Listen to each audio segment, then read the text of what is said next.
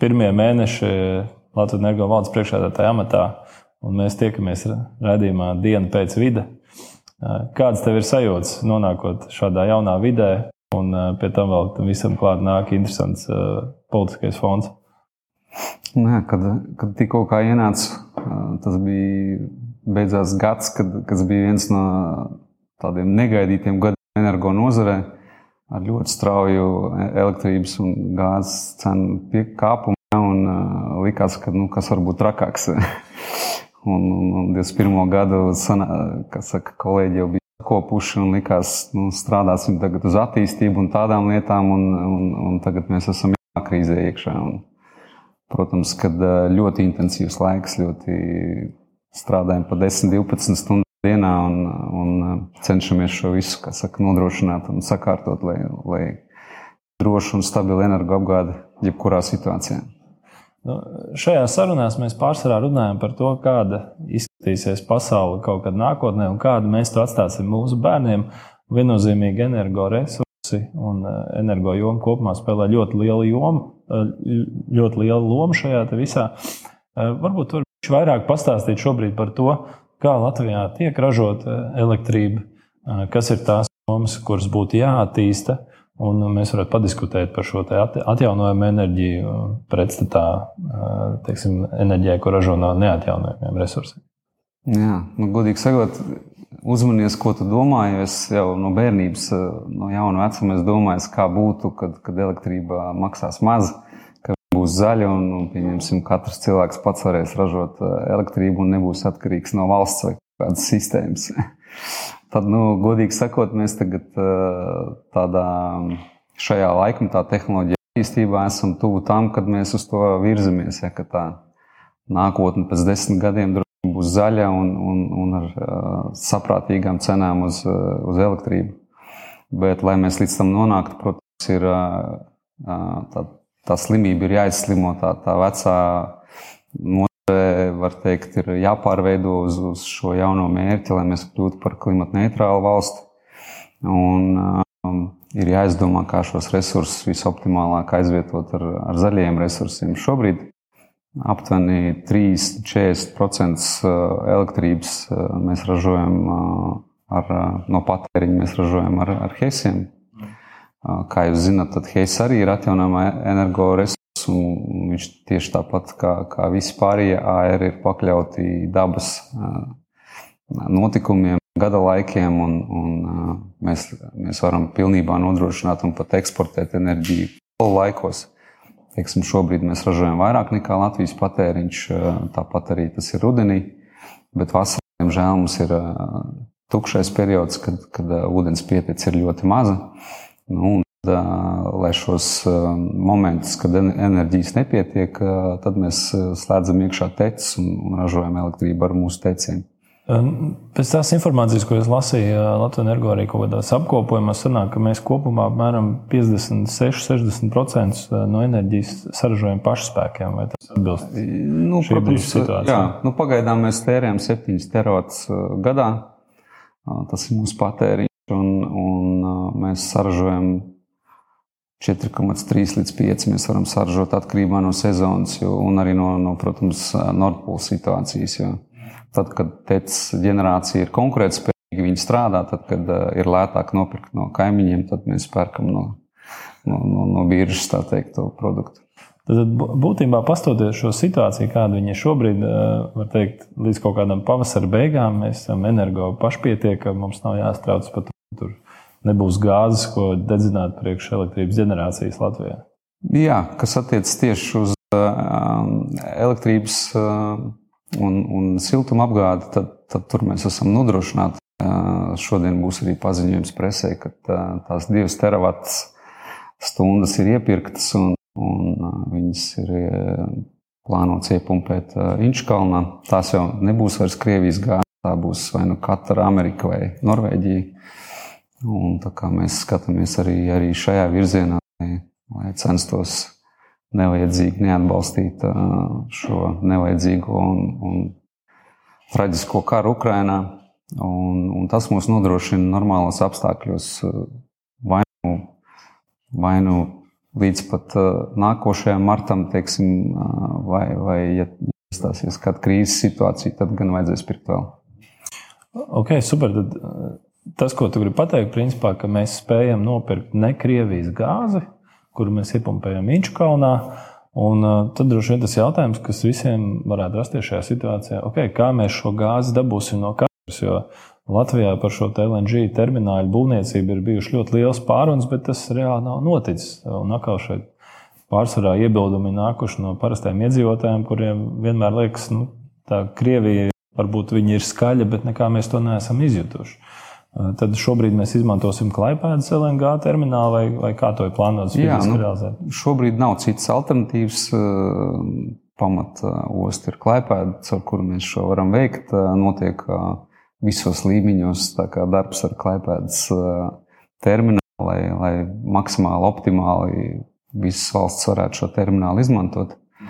Protams, viņi bija pieraduši pie tādas slodzes, kas ir simtprocentīgi. Viņi strādāja visu laiku kādu 50% slodzi, un, un, un viņiem arī ir jāpielāgojas.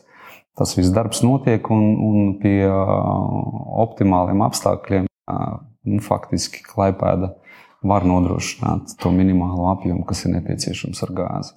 Okay, tad 4,5 teravatus mēs saražojam, 2 mēs nopirksim gāzi, ko varēsim saražot. Tad, principā, mums tāpat pietrūkst vēl viens teravats enerģijas. Kāda plāna? Nu, gāze iet arī uz siltu, tā kā tas Jā. nebūs gluži viss uz elektrību. Mums aptuveni pietrūks 30% šobrīd Latvijai elektrības ražošanai. Un, un te, te tad nāk tā jaunā Latvijas energo stratēģija, ko mēs esam tagad apstiprinājuši un uz ko mēs aktīvi strādājam. Būsiet dzirdējuši, ka nesen arī valdība atbalstīja to, ka mēs veidojam kopuzņēmumu ar Latvijas valsts mežiem. Un tā stratēģija ir tāda, ka mēs tuvāko piecu, septiņu gadu laikā izveidosim vēja enerģijas jaudas ap 1000 megawatu apmērā. Tas būs ne tikai Latvijas valsts meža, bet uh, vairāki projekti, ko mēs šobrīd attīstām. Okay, mēs esam nonākuši līdz uh, vēja enerģijai, kas man liekas ir ļoti karsts kartupēlis, jo aizbraucot uz Eiropu, mēs praktiski visās valstīs redzam šo vēja ģenerators. Un, nezinu, vismaz Man, atrodoties lauku vidē, skatoties uz kas tur lēnām griežas, drīzāk rodas nomierinoša, nevis traucējoša sajūta. Kaut gan vēl ar vienu pat klausoties kaut kādas pēdējās diskusijas, šodien mēs dzirdam, ka vēja ģeneratori atņem zemi lauksaimniekiem, traucē mežsaimniecībai un sazina kaut kādas lietas. Kā tev liekas, kas ir tas nepieciešamais aktivitāšu kopums, lai šie alternatīvo enerģiju skeptiķi tomēr saprastu, ka ir nepieciešami vēja ģeneratori, saules parki, Kas jādara valdībai mums visiem kopā, lai mēs nocirstu šo atkarību no uh, Krievijas energoresursiem? Nu, jautājums ir vesels komplekss. Ja. Pirmkārt, kāpēc vēja ģenerācija un nevis uh, atomstacija, piemēram? Ja? Un tas iemesls ir pavisam vienkāršs. Mēs visi atceramies uh, šīs kaut kādas zaļās iniciatīvas, kas bija atbalstītas ar subsīdijām, ar oikiem un tā tālāk. Nu, to Latvijas energo ceļu negrib iet vairāk. Un, Un tā labā ziņa ir tāda, ka faktiski pēdējie gadi tehnoloģija attīstība ir parādījuši to, ka ar jaunām veidzirnavām ir iespējams uz komerciāliem pamatiem izveidot šādas pāris, un, un, un tur nav vajadzīga nekāda oika un subsīdijas. Pārsvarā viss, kas, ko jūs redzēsiet Eiropā, kas ir 5, 10 gadu veci parki, tie visi ir būvēti uz subsīdijām. Tā kā nu, šajā ziņā Politiski domājot, mēs pat esam kaut kur ieguvēji, jo par šiem jauniem parkiem, ko attīstīs Latvijas energo, nekādas subsīdijas nebūs iedzīvotājiem jāmaksā. Tas ir pirmais. Otrs, tehnoloģiskā attīstība ir tāda, ka viena tā turbīna spēja ģenerēt lielāku šo, šo enerģijas apjomu. Ja tā efektivitāte turbīnai ir nopietni augusi, nu, iemesls ir faktiski tas, ka kādreiz domāju, ka 150 metru turbīna ir maksimālais, kas ir iespējams. Un tad šobrīd mēs tajos jaunajos projektos skatāmies uz 250 metru augstām turbīnām. Tas ļauj noķert daudz augstākus vējus, tātad arī vietās, kas pirms tam varbūt likās, ka nav piemērots vēja ģenerācijai šobrīd. Pēc mūsu testiem, jau veikti, mēs redzam, ka ir iespējams, jo augstumā, kas ir 250 metri, šī ģenerācija jau ir iespējama un tie vēji ir pastāvīgi. Tas Plus Latvijai ir tas, ka mēs esam līdzena zeme, tātad vējš nekur neaizķerās. Un, un pie noteikta augstuma mēs to varam izdarīt. Otrakārt, kāpēc Latvijas valsts meža? Tas kā reiz ir tas iemesls, kad šeit rodās iespēja atbīdīt šīs vēja turbīnu stacijas tālāk prom no apdzīvotām vietām, lai kā reizi minimizētu šo ietekmi uz iedzīvotājiem. Nākamais, pie kā mēs strādājam šajos parkos, ir tas, ka mēs dosim atbalstu pašvaldībām. Tas līdz šim nav piekopts, nekur tas nav darīts, bet tāda ārzemju praksa ir un mēs to esam paņēmuši par labu un arī ieprojektējuši šajā, šajā mūsu projektā. Tur ir paredzēts atbalsts pašvaldībām gan brīdī, kad, ir, kad sākam būvniecību, gan pēc tam arī no ģenerācijas. Tas, protams, palīdz mēram un, un sabiedrībai labāk saprast, kāpēc, kāpēc tāds projekts ir tā, tā pašvaldībai labs. Ja, ja mēs paskatāmies šiem vēja parku lielajām turbīnām, viens no ierobežojošiem faktoriem ir attālums, kādā šīm vēja parka robežā jāatrodas no tuvējās apdzīvotās vietas. Ja nemaldos, tie 800 metri no tuvākās mājas, ja, kas, protams, jo lielāka turbīna, jo, jo grūtāk atrast šādas vietas, jo Latvija varbūt ir līdzena, bet tomēr viņi salīdzinoši cieši apdzīvot izņemot Latviju un kaut kādas eh, dabas parka teritorijas. Ja? Kā tu redzi, vai šajā jomā būtu nepieciešams izmaiņas gan normatīvo aktu kontekstā, gan arī teiksim, cilvēku izpratnes kontekstā? Nu, tas man salīdzinājums tāds, man liekas, mums katram latvietim jāatbild, vai mēs gribam vēja turbīnu pagalmā, ja, vai agri vai vēl kaut kāda krieva agresija Latvijā. Nu, protams, te daudz ir atkarīgs no pašvaldības, no, no iedzīvotājiem, bet, kā jau es minēju, mēs, eh, kā Latvijas energo, mēs cenšamies pabīdīties vēl tālāk. Nu, mēs esam veikuši arī kaut kādus eh, pētījumus un fotografējuši to, kas mums jau ir, eh, kā tas izskatās no, no 2-3 km attālumā. Ja, tad tās veidzirnības tik tiešām viņas vairs netraucē tam skatam. Un, un, bet es zinu, ka varamam ir iniciatīva šo, šo kā, kā lai pasaka, valstiski skatīties un, un visā veidā šobrīd to likumdošanu uzlabot, lai, lai nu, būtu šī tā, tomēr tā valstiskā stratēģija un ļautu daudz brīvāk tomēr būvēt šīs vēja stacijas un atvieglot arī dažādas noteikumus. Man liekas, ja mēs paskatāmies uz vēja stāciju attīstīšanu. Latvijā droši vien no idejas līdz reālajai vēja stācijai vajag, nu, nezinu, 5 līdz sliktā gadījumā 10 gadus visticamāk šobrīd. Ja? Ir sarežģīti, jā. jā. Ir ļoti maz maz eh, šobrīd pat parku, kas ir dabūjuši šīs eh, atļaujas. Ja, un, eh, un te, te, te, te ir paredzēta arī tā pakete kopā ar šo, ko mēs to projektu veidojam, ka mēs strādāsim arī pie likumdošanas, lai dažādos posmos pātrinātu šo, šo procedūru. Bet ir, protams, procesi, ko mēs nevaram pātrināt, piemēram, putnu aizsardzība. Ja, tur ir vismaz gads obligāti pilns ir jāizvērtē, kā, kāda ir viņa tā ietekme un tam līdzīgi. Bet, nu, lai tas nav 3 un 4 gadi, un pēc tam vēl būvot ļaujas, un kas, ja, tad kopumā jācenšas šo pirmo posmu, protams, ir pēc iespējas saīsināt. Nu, cik man, mana pārliecība ir, ka saka, ekonomiskā efektivitāte, domāju, tas, kas arī jāsaprot, vienreiz uzliekot šo vēja staciju, tas zināmā mērā mums noteikti dod arī kaut kādu elektrības cenas stabilitāti vismaz ražošanas pusē, jo faktiski investīcija notikusi, un tās operacionālās izmaksas ir salīdzinoši nelielas. Noteikti tas, ko varētu teikt Latvijas iedzīvotājiem, jo vairāk mums ir šīs vēja stācijas, jo stabilāk varētu būt perspektīva elektrības cena. Viennozīmīgi, bet te ir jāņem vērā, nu, mēs jau arī tagad redzam, ja, ka no skandināviem, kad vējš pūš, tad tā lētā cena atnāk arī līdz mums. Bet, protams, mums, kā Latvijai pa vidu, ir mazliet grūtāk, jo mums nav tiešo savienojumu ne, ne ar Norvēģiju, ne ar Zviedriju. Un, un tā kā pašai Somijai ir mazs deficīts, eh, tad, tad eh, arī no Somijas mēs daudz nesaņemam. Tad ir Igaunijai deficīts, Lietuvai deficīts. Tad, tad eh, sanāk tā, ka mēs faktiski tās lētās cenas šeit Baltijā neredzam. Bet tas iepriecinošais ir, ka viņas ir mazākas nekā Vācijā, Francijā un Anglijā. Ja?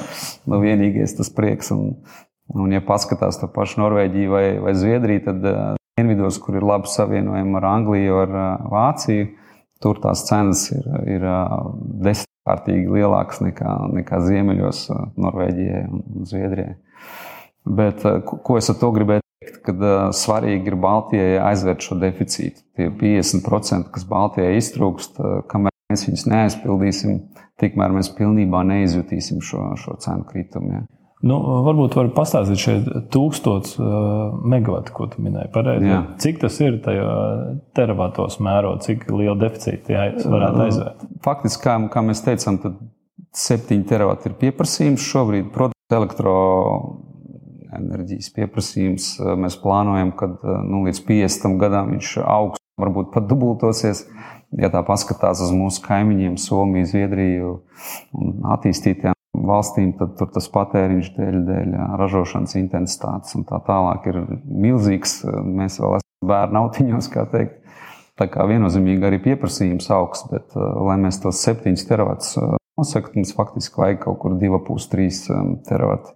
Un, un šāda stacija, 8000 megawatu vēja parka, viņi arī faktiski nosaka šo 2,5-3 teravatu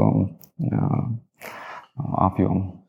Ok, skaidrs. Tā principā, ja veiksmīgi valstī izdodas šis projekts, tad mēs varam visticamāk, gan 5, 7 gadu laikā cerēt, ka šis deficīts uz parku rēķinu varētu tikt būtiski samazināts. Ja? Tieši tā, tieši tā. Protams, jāsaprot, ka tā atkal ir pakļauta dabai. Ja? Šī enerģija, protams, kad būs tās augstās turbīnas, tad tā fluktuācija ir mazāka, kad, kad tas vējš nav Mēs strādājam arī būtībā jau šobrīd arī pie atkrastes vējiem, kur, kur tā stabilitāte ir vēl lielāka. Jo, jo, protams, jūrā tas vējš ir vēl vairāk pastāvīgāks, un, un tur tās turbīnas pat vēl jaudīgākas, varbūt pie 300 metriem. Tā kā mēs jau neapstāsimies tikai ar, ar, ar vējiem, mēs paralēli strādājam arī pie saules parkiem, strādājam pie mikroģenerācijas. Tātad ir aptuveni 25% Latvijas tirgus ar, ar saules paneļiem, mājām un juridiskām personām. Un, un esam gatavi šogad arī kāpināt tās jaudas divas, trīs reizes. Jo skaidrs, ka ar tām subsīdijām, ko valdība ir paredzējusi, tas pieprasījums būs milzīgs. Un, un es domāju, ka tas, tas ir viens no veidiem, kā šobrīd arī faktiski iedzīvotājiem gatavoties nākamajam rudenim un, un, un, un un, un nākamajai vasarai. Un tā arī ir tāda mazā, mazā mūsu katra paša neatkarība un drošība energo jomā. Un to, un, un tas tā doma nākotnē, protams, ir, kad mēs vairs nepaļaujamies tikai uz vienu vai diviem enerģijas avotiem. Tātad mums ir miks. Un tas miks ir saule, vējš, tas, pats te, kamēr mēs neatrodam citus veidus, kā, kā nodrošināt šo pamatenerģiju. Un, un Hesse, ja, un, un kopā tas miks, protams, izlīdzinās pa gadu. Un tad, kad nav vēja, tad, puš, tad ir saule, kad, kad nav saule, tad ir hess un tam līdzīgi. Un, un tādā veidā mēs izbalansējam to, to līmeni. Ļoti labs jautājums. Saules parki. Zinu, arī man e, ārvalstu draugi, kas ir investējuši gan vējā, gan saulē, en, e, kā enerģijas projektos, viņi vienmēr priecājas par to. Pūš vējš ir viena ieņēmuma plūsma, spīd saule ir otra. Vai Latvijas energo plānos ir arī veidot lielus saules parkus, vai vispār Latvijā ir vērts veidot šādus saules parkus? Tātad mm, Lietuvā šis tirgus jau ir ļoti attīstīts. Mēs esam jau, nu, tur mums ir jau, jau būvniecībā 13 megawatu projekts, un, un ir arī vēl lielāki. Un, un tur, teiksim, tā, tas pipelines ir pilns. Ja? Tad, tad Latvijā šī attīstība pārsvarā mēs esam fokusējušies šobrīd tieši uz tām aizsēmniecībām un tādiem projektiem. Bet uh, notiek darbs arī likumdošanā un tam līdzīgi arī, arī šeit, Latvijā, lai atrisinātu arī lielu parku būvniecību. Tad droši vien arī mēs šeit skatīsimies un, un, un noteikti tajā iesaistīsimies. Vai šobrīd ir kaut kāda likumdošanas šķēršļi, vai vienkārši, es nezinu, Latvijā mazāk spīd saule, vai reliefs nav pietiekams? Kas ir tie galvenie kavēji? Tie procenti ar Lietuvu. Nu, Viņi ir procentu robežās, tā efektivitātes atšķirība kaut kur. Protams, kad Lietuva ir mazliet tuvāk dienvidiem, un tad viņiem tur tas pusprocentiņš procentiņš nāk klāt. Ja skatās uz tālāk uz dienvidiem, tad, piemēram, mums tas saules paneļa efektivitāte ir ap 11, 10, 15%, tad Lietuvā viņi būs tur 11, 12. Nu, tur siltajās zemēs, kur vairāk saules, faktiski pie 20%. Un, un tur, protams, tās saules baterijas ir ar krietni lielāku efektivitāti. Cik es skatījos Vācijas plānos, tad, tad viņiem arī ir ļoti liela tā saules paneļu parku attīstība ieplānota. Nu, principā jau pabraukājot pa Vāciju, redzams, ka faktiski visu bāņu malās ir salikt šie saules parki.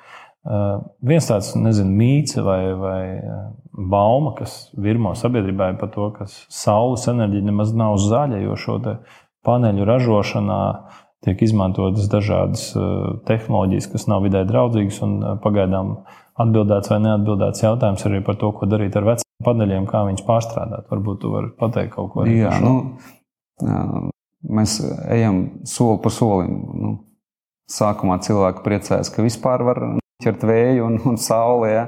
Un, un, un tad, tad priecājās, ka var dabūt lielākas jaudas ārā.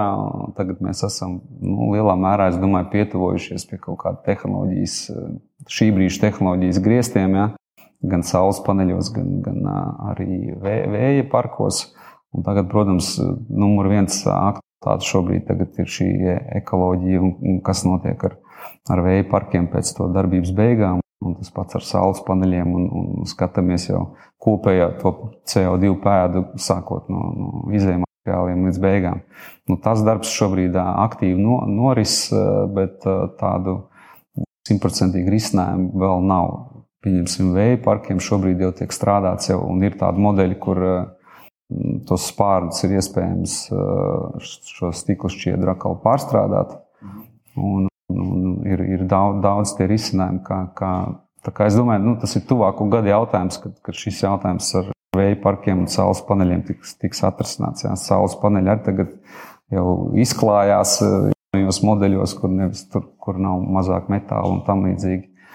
Bet, eh, bet ja runā par tiem pašiem izmateriāliem, nu, tad eh, nu, pa lielam tajās valstīs, kur viņas iegūst, tā ekoloģija ir klibojusi vienmēr. Tas nav, tas nav tagad, uh, kaut kas jauns. Un, un es domāju, ka uh, ar šo pieprasījumu, pieaugot šo valstu labklājībai, uzlabosies arī, arī šī atbildība, ekoloģija un tam līdzīgi. Un, un visbeidzot, protams, kad, ja, ja mēs skatāmies šeit, gala patēriņā šīm enerģijām, nu, tad tas ieguvums ir momentāns, jo mēs vienkārši elpojam svaigu gaisu un, un, neradam tos um, izmešus šeit. Tad savā ziņā varētu teikt, ka tā ir tā tāda, uh, tāda zaļā piramīda, pa kuru šis zaļais uh, ūdens vai nezinu, zaļā enerģija plūst uz leju. Protams, sāks no attīstītajām valstīm, ka mēs šeit sakārtojam vidi ap sevi. Veicot investīcijas šajā sistēmā, atjaunojumu energoresursu ražošanā, tehnoloģijās, agri vai vēlu, šī nauda nonāks arī līdz mazāk attīstītām valstīm un tur viss kļūst zaļāks. Jā, es varu pateikt piemēru no, no kafijas ražošanas, ja, kuras kādreiz ražoja kafiju. Tad faktiski tās bagātās valstis šobrīd iegūda ļoti lielu naudu kafijas ražotāju valstīs, māca viņus pareizi audz, audz, audzēt šo kafiju un darīt to ekoloģiski pareizi un tam līdzīgi. Ja. Tur tas cikls ir jau ātrāk iesācies. Nu, šeit tehnoloģijas ir jaunas, tad es domāju, nu, tikai gadu jautājums, kad, kad nonāks arī, protams, šī nauda līdz, līdz tam pirmavotam un, un arī tur nāksies šie ekoloģiskie jautājumi risināties. Izklausās, ka pa lielis, lielo bildi Latvijas valsts mērogā mēs esam tikuši skaidrā, varam pāriet uz tādu mazāku vienību kā mana mājasēmniecība. Atgriežoties Latvijā, pirms nedēļas teicu, ka mans pirmais pirkums būs saules baterijas, kuras es taisos šodien, kā reiz braukt pie izplatītājiem. Varbūt var izstāstīt par šo energo piedāvājumu maisaimniecībām un kā katrs maisaimniecības īpašnieks varētu veicināt savu mazo energo neatkarību gan no Latvijas energo, gan arī, protams, no Krievijas gāzes. nu, pavisam jau neatkarība nesanāks, jo saule ir tā uh, problēma, ka viņa spīd tikai dienā. Ja mēs gribam arī vakarā televizoru skatīties. Un, līdz ar to būs šī saite ar sadalījuma tīkliem. Tas, pie kā mēs tagad nopietni strādājam, ir tas, lai sadalījuma tīkli varētu šo ģenerāciju uzņemt tīklā. Ja, kas ir tātad, ja mēs pa dienu ražojam šo sauli un ne, nepatērējam šo enerģiju, tad, tad mēs viņu nododam tīklā. Un, un pēc tam mēs viņu varam lietot vēlāk, tad, kad mums tas patēriņš ir. Protams, ka vislētākais veids ir uzreiz patērēt, tāpēc juridiskiem klientiem faktiski tas ir visizdevīgāk, kam pa dienu tas ar spīd sauli viņš arī patērē. Jo, protams, ka tur nāk arī kaut kāda sadalījuma tīkla maksājuma, ja mēs tam ņemsim to, kas ir palaists tīklā. Ja? Kā, un runājot par mājsaimniecību, kurā gadījumā nu, tas atpirkšanās periods ir sevišķi tagad, kad būs tās valsts subsīdijas. Ja kādreiz viņš pie normāliem apstākļiem, pie, pie iepriekšējām energo cenām atpirkās 11 gados, nu, tad tagad atpirksies 4 piecos gados ļoti ātri. Un, un, un, protams, tas ir tāds mazais ieguldījums. gribētu teikt, katram savā energodrošībā un, un tā, tādējādi arī mazliet valsts drošībā. Uh, par tiem piedāvājumiem ir jāskatās pēc savu patēriņu. Tātad mums Lat Latvijas energo jāiet ar elektronu mājaslapā, tur ir ļoti skaidri viss parādīts. Atkarībā no jūsu patēriņa 100 kW, 300, 500 vai 1000, tad attiecīgi tiek piedāvāti šie komplekti. Un, un, un tad speciālists paskatās, vai, vai to izvietot uz jumta, vai varbūt jums ir pietiekama teritorija un var izvietot uz zemes, nu, kur, kur ir vislabākā šī atdeve. Nu, starp citu, runājot ar kolēģiem no Lietuvas, viņiem ir arī tāda attālināta mikroģenerācija. Nu, pieņemsim, cilvēks dzīvo dzīvoklī, es saprotu, ka viņi var nopirkt kaut kādu daļiņu no virtuālā saules parka, kur attīstīs kāds attīstītājs. Vai Latvijā varētu būt arī kaut kāda līdzīga risinājuma dzīvokļu īpašniekiem? Dažreiz ir maz ticams, ka daudz dzīvokļu mājām uz jumta tagad katrs dzīvokļu īpašnieks varētu uzlikt saules panelīti. Nu jā, nu te sanāk tās saucamās šķērs subsīdijas, jo šajā gadījumā netiek apmaksāti sadalījuma tīkli. Un, un, kā ir dzirdēts, Latvija šādu ceļu gluži neies, bet es domāju, ka kaut kāda risinājuma jau droši vien radīsies. Pa lielam ir jau tagad projekti, kur, kur arī daudz dzīvojamām mājām uz jumtiem šīs, saules paneļus. Bet Lietuvā jā, tāds likums ir, ka faktiski tu vari nopirkt daļu no, no saules parka un izmantot jebkurā vietā, kur tev ir patēriņš. Jā. Un, nu, Mēs arī aktīvi piedalāmies. Mēs esam jau vispār devuši laikam divus tādus saules parkus, un, un vairāk ir, vairāk ir arī jā, stadijā, būvniecības stadijā. Ja man liekas, tā nu, tādā no pilsoniskās perspektīvas runājot, man liekas, tā ir tāda mana iespēja ielikt kā kaut kādu naudu energodepozītā, kas man nākamos manus divus gadus dos šo atdevi caur to, ka man būs sava elektrība. Mēs būsim valstiski drusku neatkarīgāki. Atgriežoties vēl nedaudz pie tās maisaimniecības, viena lieta ir ražot un, uh, enerģiju un nodrošināt savas vajadzības, bet otra lieta, kas ir droši vien ļoti arī aktuāli, ir tieši energoefektivitāte. Varbūt var padalīties ar nezinu, savu personīgo pieredzi vai, vai uzņēmumu pieredzi, kas ir tas, ko cilvēki, kas dzīvo mājās, ko viņi var darīt, lai patērētu mazāk šo elektrību. Nu jā, nu es pats tikko pabeidzu tādu vasaras maiņu sev laukos Siguldā. Un, un, man ir piemēram apkurss siltums. Tas ir viens no veidiem. To papildus es tagad papildināšu ar saules paneļu. Tad man sanāks dubulta teiksim, tā, ekonomija. Man saules paneļi dos kāds 20-30% samazinājumu, jā, un plus siltumsūknis. Tā tad, tā tad kopumā tas ir diezgan nopietni tā efektivitāte. Protams, tā, tā siltināšana māja tas jau nav nevienam noslēpums. Tas, tas dod milzīgu efektu. Nu, vienīgais atcerieties par to, ka vajag svaigu gaisu. Jā, jo, ja mēs par daudz nosiltinām un nepadomājam par to rekuperāciju vai, vai citiem risinājumiem, tad būs visu laiku jāveidina istaba. Jā, jo, jo, nu, pieelpojam mēs ļoti ātri to, to telpu un par to neaizmirstiet. Es varu atkal palīdzēt no savas personīgo pieredzi. Jā, burtiski tā sanāca, ka kļūstot elektrībai dārgāk, ja pastījāmies rēķinā un secinājām, ka viņš ir diezgan liels. Tad uh, paskatījāmies, protams, kur mēs patērējam šo elektroenerģiju. Mēs secinājām, ka piemēram pēc mazgāt veļas, traukus un daudz citas lietas darīt naktī, ka tas faktiski mums ļāva elektrības rēķinu samazināt dažus mēnešus praktiski par 50%. Cik aktuāli šī darbība palīdzēt valstī kopumā pārnes šo enerģijas patēriņu no dienas uz naktas stundām, kad teiksim, lielie patērētāji varbūt nestrādā. Nu, te gan jāskatās, ir dažādas tās pakotnes, kādas jūs pērkat. Ja jums ir fiksēts tarifs, tad jums viņš ir fiksēts, ja, kas jau iekļauj visus šos riskus, teiksim, diena, nakts, un tas ir tāds vidējais tarifs. Bet, ja jums ir pakļauts biržai, tad viennozīmīgi naktī šī enerģija ir lētāka un krietni lētāka. Un, protams, rietumu valsts jau sen dzīvo pēc tāda standarta, ka viņi nezinu, tur mazgā. Nu, ar visādas darbus automātiski uzliekot naktas režīmā un, un, un tādā veidā ekonomē. Un elektruma mājaslapā arī ir tāda energoefektivitātes apmācība, kur faktiski var iepazīties ar visiem veidiem, kā, kādā veidā ir iespējams mājās iziet cauri šiem jautājumiem. Un, un, protams, tas ir obligāti jādara, jo energoefektivitāte ir viena no nu, viszaļākā enerģija, tā, ko mēs nepatērējam pareizi. un, un, un pie tā ir nopietni jāstrādā. Un, ja mēs skatāmies, piemēram, uz Rīgas pilsētu, tad šeit ir ļoti bēdīga aina.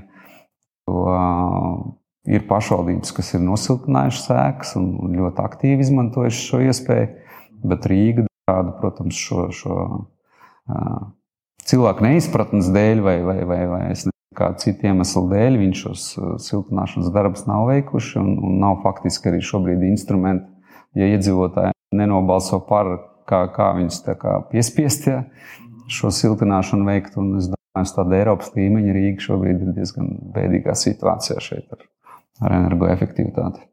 Tad būtībā rezumējot šo maisaimniecību pieeju, pirmais, ja jūs dzīvojat mājā, liekam saules baterijas, siltumsūknis, kas ir neatkarīgi no gāzes. Pēc tam sekojam līdzi patēriņam, vairāk patērējam naktī, mazāk patērējam dienā. Izlasām elektromu mājaslapā visas iespējamās pieejas. Viens spūdzīs nomainām uz lediem un, Jā. un citiem.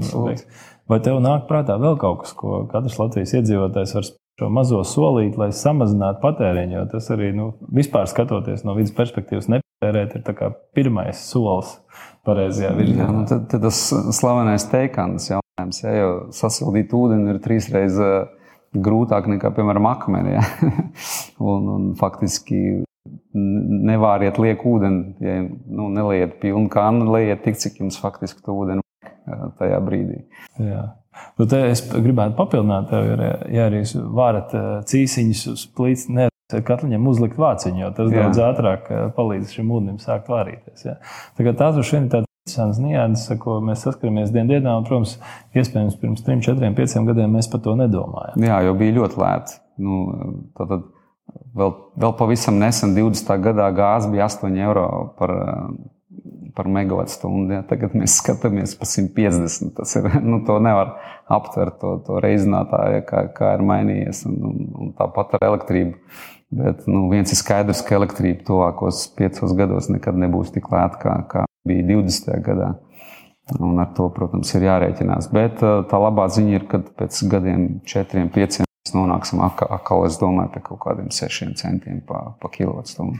Nu, skaidrs, tad mums būs ļoti interesanti droši vien satikties nezinu, pēc gada, diviem, paskatīties, vai šīs augstās cenas ir reāli ietekmējušas arī mūsu patēriņa paradumus. Jo nu, šodien līdz šim vienkārši daudz cilvēku par to nedomāja. Elektrības rēķins bija faktiski neliels automātiskais maksājums, ko banka pati pārskaitīja mūsu uzdevumā. Nu, faktiski šī CO2 kvota, kas tika Eiropā ieviesta, jau faktiski bija šī, lai caur cenu stimulētu gan ražotājs, gan, gan patērētājs veikt šos soļus. Jā, nu šobrīd ir notikuši ļoti kritiski notikumi, kas ir vēl, vēl vairāk šo visu eskalējuši. Un, un, nu, jā, tas, protams, absolūti visus motivēs šobrīd pārdomāt, kā mēs tērējam, kā mēs siltinam un, un kā mēs ražojam.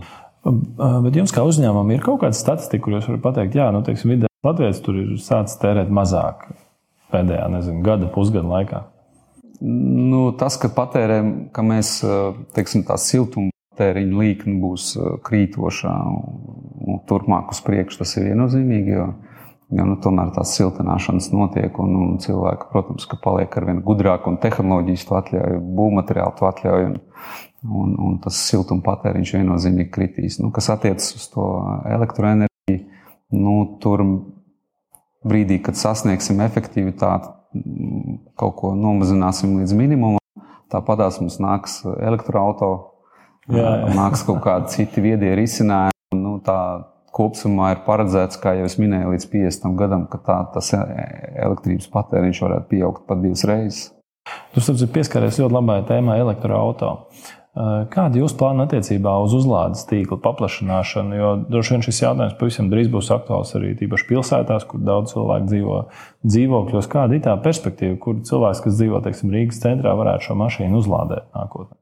Jā, nu, Latvijas energo ir uzņēmies tādu pionieru lomu, jā, jo faktiski kādam tā loma ir jāuzņemās. Jo skaidrs, ka šobrīd tas nav ekonomiski pamatot, jo, jo mums tas elektroautorāta pieaugums nav tik strauji. Bet mēs jau pagājušā gadā izveidojām 90 uzpildes stacijas, un, un šogad domājam paplašināties uz 230 kopumā. Un tas plāns pēc tam ir augt proporcionāli korelējot ar to, kā augs elektroautorāta skaits. Un mēs to darām Baltijas līmenī. Šobrīd jau ir izdomāti ļoti ērti un, un viegli maksājumi Un, un, un tā kā nu, Latvijas energo pie šī strādā, lai jūs varētu ar vienu karti norēķināties gan mūsu tīklos, gan citos Eiropas tīklos un, un, un justies komfortabli. Kā, nu, mēs tam sekojam līdzi, lai, lai cilvēki sāktu pirkt šos elektroautorus.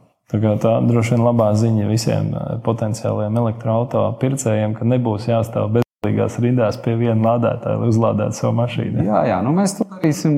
Kā jau teicu, tur ir arī tās, protams, rekomendācijas, un cilvēki ir aptuveni izreikinājuši, cik tādam stāvoklim jābūt pie noteikta elektroautorāta skaita. Mēs, mēs eh, centīsimies to darīt. Nu, nāk, protams, arī konkurence iekšā, Igauni elektrouzlādes stacijas ir paziņojušas, ka nāks Latvijā un tā. tā Nu, nebūsim jau vienīgie, bet nu, to pionieru lomu mēs esam pagaidām uzņēmušies. Man ir tāds neliels provokatīvs jautājums. Latvijas energo ražo elektrību, nodrošina elektrouzlādes stacijas elektromašīnām.